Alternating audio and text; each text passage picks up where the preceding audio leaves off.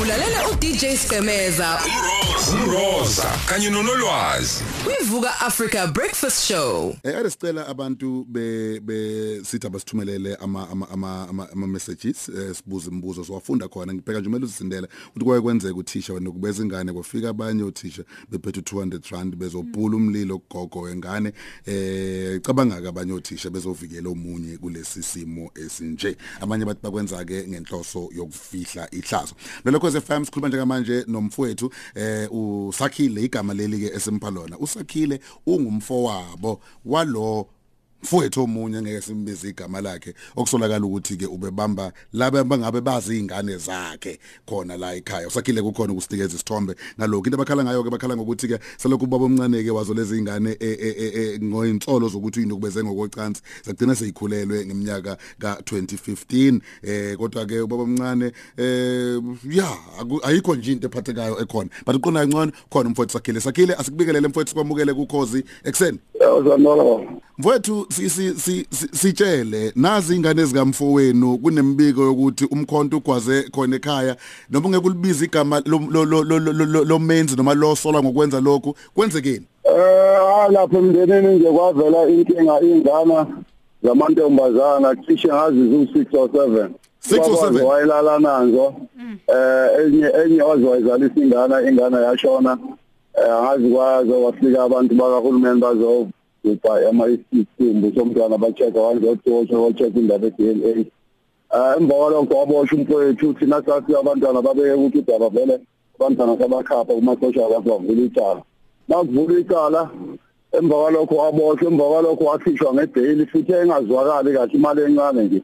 Asazi ukuthi kwakukhulunywa kanjani nabaphathi benkantolo ngiyavuma eh sabona sangaphandle attend icala attend icala. Sesibona kwathi inyanga athi icala seliphelile so thina samalunga omndeni sazithulela ke mbolo ngoba yithi akusithe sasivula icala. Icala lalivulwe yingane zakhe sasezivulile zamantombazana eziwu-2 so simbona ukuhlalele ekhaya singazi ukuthi ingane yomthetho ihambe yafika kuphi ngalokho. Eh umfowethu ehlalele nje ekhaya ingane sebahluka ngendlela bakubo konkosikazi alanda unkosikazi bengana wabakhela umuzi wabo abasahlali naye. Lokho kwakubonisa ukuthi ikhona into vele yayenzeka lapha endleleni kodwa laba baba kwagwala la thatha khona epenlas ibabalanda ingana unkosikazi bahamba babakhela washiwa mina ngachaza nje lokho kwathi mangazi ukuthi inkantolo ayizange singasithole ireport. Umuntu abantu babevula icala ingane zakhe akusithi abafowabo Yeah. singasasikapha ingane njengoba zazibhekeka eh sicela ukuthi hayi losibhekane nenkinga ubaba lapha yasibheka futhi senza abafazi bakhe so sabakhapha ke thina ngiwavuma uyohlangana nama-social worker yonke into ayenzi sasikhona emva kwalokho icala lithe cwaka kwenzike lutho indoda isihlalele nje emva. Yithi ngibone kahle z- uthe ingane zingaki zizonke okunezinsolo zokuthi ugcinelale nazo? Uh, if I'm not mistaken, ngicanga ngikhona ukuzicounta but 6 or 7, 5 or 6 or 7 yeah. Zi- Ingane ezinye zathathwa ama social worker ingane encane. Ezahle incane impela cishe zazi number 3 years. Ezasihlukunyezwe ngokocansi zathathwa ama social worker bayisa esikhungweni sika government eMaritzburg. Akahlala isikhathi eside okwamanje mangizwa ngaze ngizibona. Bathi sezabuya zikhona ke umama wazo. Ezabuya esikhungweni sika government lazavubekwe khona. Kul- kulena eyagcina ikhulelwe yaze yashonelwa umntwana uyakhumbula ukuthi yayincane engakanani nangokweminyaka? Angikosho lapha angikosho ngokweminyaka kodwa nje yayisencane isifikile ko 14 15 njalo njalo? Ya 14 ya 14 yayilapho ngisho ko 14 16 enye into ekhala ngayo futhi nithi unkosikazi wakhe uyamvuna ubaba wekhaya. Wayemvuna ngaleso sikhathi. Wayemanayo ngoba wayekhala uyinyembezi ngesikhathi aboshiwe batho kwamanje inkosikazi seya usekabona ukuthi lento wayefuna yikho.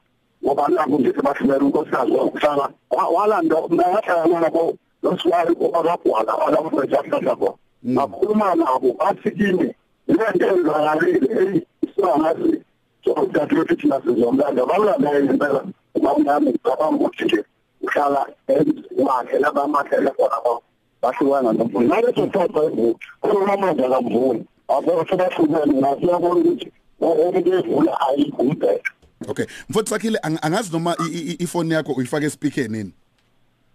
Ngifuna ngifuna lethi sisebenzile Oh, usemsebenzini. Okay. ngoba ngoba ngifuna Okay. No as- asizameke kancane ukuthi khona beng- bengifuna ukuzwa kahle. Manje im- i-DNA eh yenziwa yaphuma yathini imphumela ye-DNA nanokuthi ngokwakho umucabanga why lo muntu aphume uno connection eh ya mina ngendlela engibona ngayo ukuthi kuno connection okay i-DNA yithini yona eh i-DNA u- ulibofuzo eh malithathwa lu- lu- lu- luthini eh kwakwatesta ukuthi eh ulumle sizwe babanga ukuthi yabothe ukuthi nempela ingana lezalelo ndodakazi wakhe wakhe ngoba maselitheki maselithathiwe lwabuya lwathini? Amarezathi azabuya asazi ukuthi kwathana kanjani ngifuna ukubheka lokho 2015 yenzekile lento u2021 manje awabuyi ku- ku- kuthiwane nitshelwane? Atshelwa lutho ngizila ikho ukuthi mina asazi ukuthi sentenza kanjani enkantolo mina ngazi ngibosho le kodwa ngaba khona so ezinye izinto zenkantolo ezazi ukuthi sentenza kanjani bazethi sesikwazi ukuthi izinto zenzeka sengibona lokho kwakwenzeka ukuthi-ke ku ama-result abuyile kwenzakaleni asazi ukuthi Sakhile mfowethu ngiye ngiyafisa u- u- ukubuza ngikuzwile usho ukuthi ni- nithule noma nathula nimbona umfowenu ehlele egcikeni ukuthi ayikho into enizoyenza ngoba nazi ukuthi enkantolo kufike kwathiwani. Kodwa ngiyakhala mina mfowethu ukuthi anikwazi ukuthi senisizwile isikhalo sezingane nakwazi nokuthi niyikhaphe ziye enkantolo ukuthi mangabe seyihlulekile inkantolo noma ama processes lawa afana nabo ma DNA ayibu niyamazi nina lo muntu nizalwe naye niyathula nimbuke n- nibashaya uma bese bancane kuphela abantwana beganga niyamiyeka uma ngabe kuumfweni nithule ngempela. Ngoba ni- niyamazi lo muntu. Inini enimazi ngqo? Nimiyeka kanjani? Sinithembe kanjani thina njengabo bamncane bethu? Eh ngifuna ukuphendula ke lapho we- wesisi. Ngifuna ukukutshela ukuthi njoba ngisho ukuthi akusiyithi thina sasingahlali nengane e- ekhaya lomfowethu ingane zasihlala nobaba wazo nomndeni nami nomndeni wami. Indaba le yokuthi ubaba lolala nengane sasizwa thina abantu ngaphandle sathula iminyaka eminingi. Singabuzi ngoba ngangisemzini omfowethu uzobuza ukuthi nanti kanjani. Yasilindile ke thina ingane ngelinye ilanga izoza ukuthi zizositshela ukuthi ngempela ingane zafika ukuthi ngalelo la mina futhi ngangekho ngisemithide la ngisebenzela khona. Bathi igama malifika lifika kusinziwe ingane zitshela senziwe wangifonela mina wangitshela ukuthi eh, njengamanje baba omncane lento esihlale esizwa ezingane sezile ekhela ukuthi athi le mina njengoba bayelethile mina ngizothatha amalanga emsebenzini lapho haya ngempela afika ngayo ingane ngayibiza ezamantombazane sasezikhulile ayibuza zathi ke mbaba omncane yazi nenkinga udaba sesilethe kule ushinisile athi manje kanti senisize ngani? Bathi ngisize ukuthi isikhathi kuma-social work.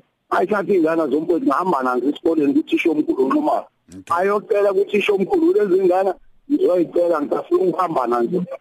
Alright hamba zayivulela lona Asikwembe icala. sakhile ayikho ngokukhipha- seyisesinayiphuma akusiyithi esivula icala bathi thina sasisiza iy'ngane zomfowethu alright asim asimbambe sakhile ngoba sekhiphana namagama eh a- a- a- abantu. Besafuna uqala ukuthi silwenze silungele amagama eh kuze kufike ke kuyisisombululo phela sixolise futhi line yakhe ayikho inhle nese ngifuna ukubona ukuthi ngi- ngi- ngi- ngizwe kahle kanye nani? Nomlaleli uhamba nathi la. Eh lo umfobo omncane kababa wekhaya omdala kunaye. Yeah. baba omkhaya omdala kunaye unezingane ezila ko 6 to 7 Yeah. okusolakala ukuthi ubaba umkhwantu ve- umkhwantu vele wagwaza khona la ekhaya einganeni zakhe. Ehhe, And- emathunjini. emathunjini akhe. And le ndaba indaba exoxwa ngisho nangabantu endaweni because uyamuza umayesho kungezwakali kahle kunjalo ukuthi nathi bese sizwa nje yonke abantu bekhuluma la emphakathini Yeah. ukuthi nokuthi nokuthi. Eyi ungumagaya azidlele umagaya ayidlele einganeni zakhe. Zezingane za enkantolo base bayabeza bona njengobaba abancane noma bafowa yabo abancane ngisho njalo. Nozalo. uzalo. Beyosupporta izingane kamfowabo eziye enkantolo ngomfowabo. Lenzeke ngo2015 lento yaze yashona ke leyo ngane leyo ayitholakale kule sisimo. Kwaphoqele ukuthi kuhambe kuyombiwa ithuna kuthathwe ulibofuzo. Oluthathwe ngo2016 kuze kube imanje alikakaze. Libuyi. lubuye lubonisa ukuthi umkhulu wengane noma kumele ngabe umkhulu wengane unguye ngempela yini ubaba wengane na? Mhm. Okunye mthi engizwe kade nisaxoxa umama wezingane waqale waphika Waphika. waphika.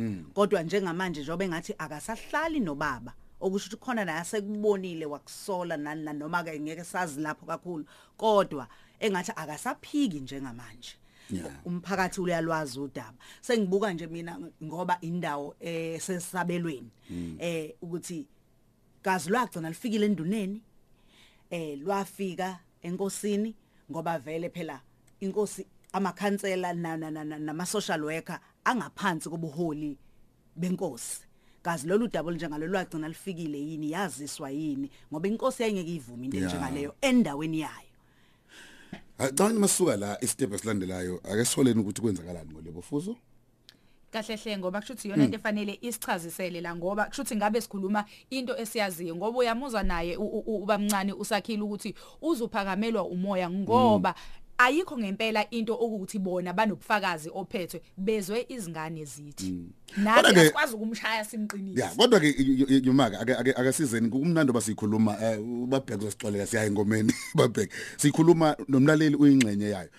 Siyazalwa ngiyabuka nje nangumfowethu siduduzo nanguthulani nangubhutu nathi sonke la ekhaya makuwukuthi usipho usenza umonakalo nje einganeni sebengagoqa izandla bethi hayi asazi ngempela silinde ingane ekasipho izositshela ukuthi hey hey bengamthatha usipho bemhlalise phansi njengomndeni. Ay nami ila nginenkinga khona sigcemeza ukuthi ngempela indaba izihambe iye inkantolo futhi ke nizelwe ekhaya. Niyamazi o- onelihlo e- e- elingasile. Niyamazi umfowenu onokwenza izinto ezingasile. Niyamazi futhi noma ngabe sekuthiwa ungenwe isihlava esithize ukuthi umfowethu ubenganjena. Nikwazi ukuthi nimbuyise nimbeke la ukuthi uyasihlaza ngoba lento le ayihlazi isiqu salobaba o- o- othizeni. Into yomndeni wonke lena. Mhm. Nanokuthi kuze kumbiwe ithuna, ithuna anivele niqonde emathuneni nje. Eh ithuna liyahlonishwa. Eh kusho ukuthi kufuneka ngempela kuthinteke eh, ubuholi baleyo ndawo leyo. Eh ikakhulukazi ubuholi bendabuko, amaphoyisa athinteke nohulumeni. Kwalingele vele limbiwe ithuna kuze kuthatha ulibofuzo. Aw- aw- lambiwa. alambiwa imingaka kwathuka kunohlelo lwe- olulandelwayo uma kuzombiwa ithuna. Alubuyi ngani imphumela eshoyo ukuthi cha sihambe kanje. Ayi ubaba kathinteki noma uyathinteka. Ngiyacela ukuthi asilivaleni la ngoba sophinde siqhubele lo daba asofundeni lama tweets because ngale ka 8 khona ngifuna silibuyele kulona lo lwasenkandla bekade silibheka. Mhlawumbe siwaqedeni manje siya kusicela umbokazi. Uzamafuze eh eh, uthi ke uzamafuze khuzwayo uthi "Ya- yasazi isilwane sendoda. Uyenza kanjani into enje enganeni yakho? Ubona ubona sizibambela lesigebengu sisidedele. Oh ubona sizibambela sisidedela lezi sigebengu. So dolopha uximba uthi kanti umthetho usebenza kanjani? Lo baba kumele ngabe ke wajeziswa nabafowabo bayazibukela izingane. Eh bese kuthi ke eh, usiboniso iqadi uthi bakhona nje ngasekhaya engibaziyo ubhuti nosisi abazi abaze baba nengane baze baba nengane impela behlaselwe ke lelo demon lelo lokukhahlakala and ingane yabo indala manje ibiza ke ubaba wayo ngomalume. Bese kuthi ke nanguliliziwe malala uthi hey kwaze kwabhlungu bo okwehlela ke izingane zomuntu eyimethembayo ukuthi ke angaze abazwise ubhlungu obunje bakhohlakele ke abanye abantu banesibindi esinamathambo. usifu usifi usifutho khumalo enquthu uthi ake nitshele amadoda ikhona indawo zokudayisa uma eyishimane. Kanti uphiwa uvolovolo xulu ezilonyeni uthi hawu yeyeni ihlaze lingaka kodwa ke akubaba loyo nto udoti njena. Eh kuningi ukuphawula. Ngicabanga ukuthi nokwakho nje usengaqhubeka ukufake eh, bese uyishayele ya hashtag enamandla ethe ukhozi FM verbs ukuze sikwazi ukuthi nje siuthole kahle eh, ukuphawula kwakho ngayo le ndaba eh, isihlava nje esikhona kwezinye zeindawo ke esiphila kuzona. Mhlambe ke asiyeni kusicelo mbokazi eh babheke kumele siqhubele lo daba. Sibheke ukuthi obani abane DNA why bambezelekile mhlambe futhi even ukusifunda sakwazulu Natal mangaphosisi sithole lana mina no MC wa social development ukuthi ngahamba kufikwephi lezi ngane lezi anayigcina isizakele ngokuphelele. Ngoba mayisahlala ekhaya eh, ya. Sibuyiswe kanjani ngoba kuthiwa zahamba zaphinde zabuya? Mhlawumbe singathanda ukuzwa lokho. Siyabuyeke sikuriportele eh ngokuhamba kwesikhathi lolu ngolunye uludaba ezolibheka ke silifakeleke ibuko vuka nathi qala usuku lakho nebreakfast show ehamba phambili. Ukhosi FM luhamba phambili.